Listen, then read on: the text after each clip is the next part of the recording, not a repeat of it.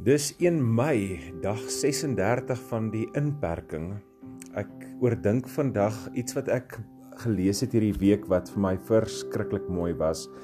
Dis 'n stukkie wysheid van die Sufi ehm um, wysgeer uit die 14de eeu. Sy naam was Hafiz geweest. Hy het gesê 'n kind van die Here is die gaatjie in Jesus se fluit waardeur hy blaas. Ek is die gaatjie in wie hy sy asem blaas. En ek dink al die hele week daaroor en ek ehm um, ek dink sommer net aan die Hebreëse woord vir asem wat 'n mens in Genesis skryf wanneer God alles geskep het. Dis die woord ruach. As jy jou hand ook voor jou mond sit en jy sê ruach, dan voel jy die wind teen jou hand beweeg. Hierdie hierdie wind, hierdie gees het oor die waters geswewe. Dit is die asem van Christus deur wie alles tot stand gekom het, skryf Paulus ook in sy Kolossense brief.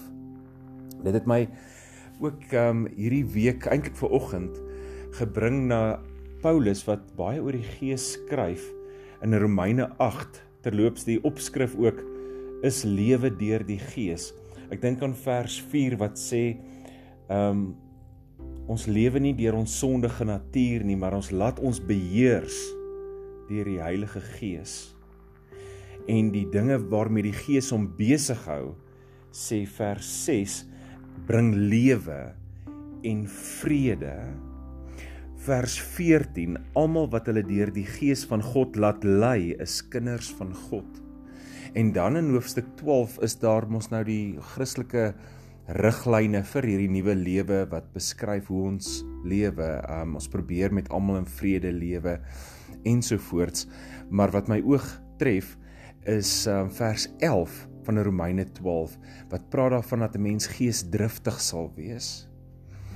Ek dink aan die vrug van die gees wat Paulus elders ook beskryf. Een daarvan is om met selfbeheersing te lewe en vriendelik en liefdevol en al die ander gesigte van die liefde. Jy is en ek is 'n gaatjie in Christus se fluit.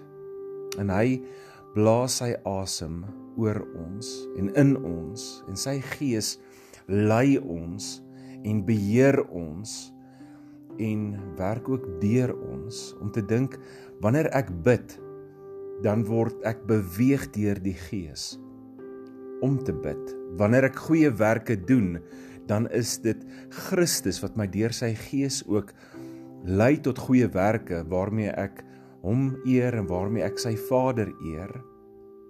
Ek is opgewonde oor die musiek wat die Here vandag in my lewe gaan maak en ook die musiek wat hy in jou lewe gaan maak en deur jou lewe gaan maak. Mag dit mooi klanke wees.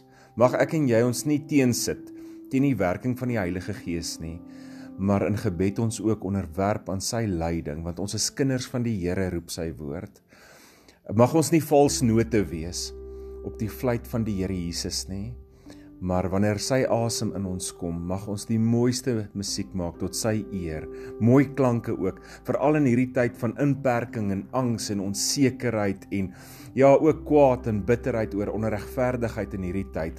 Mag hy die mooiste musiek deur jou en my maak.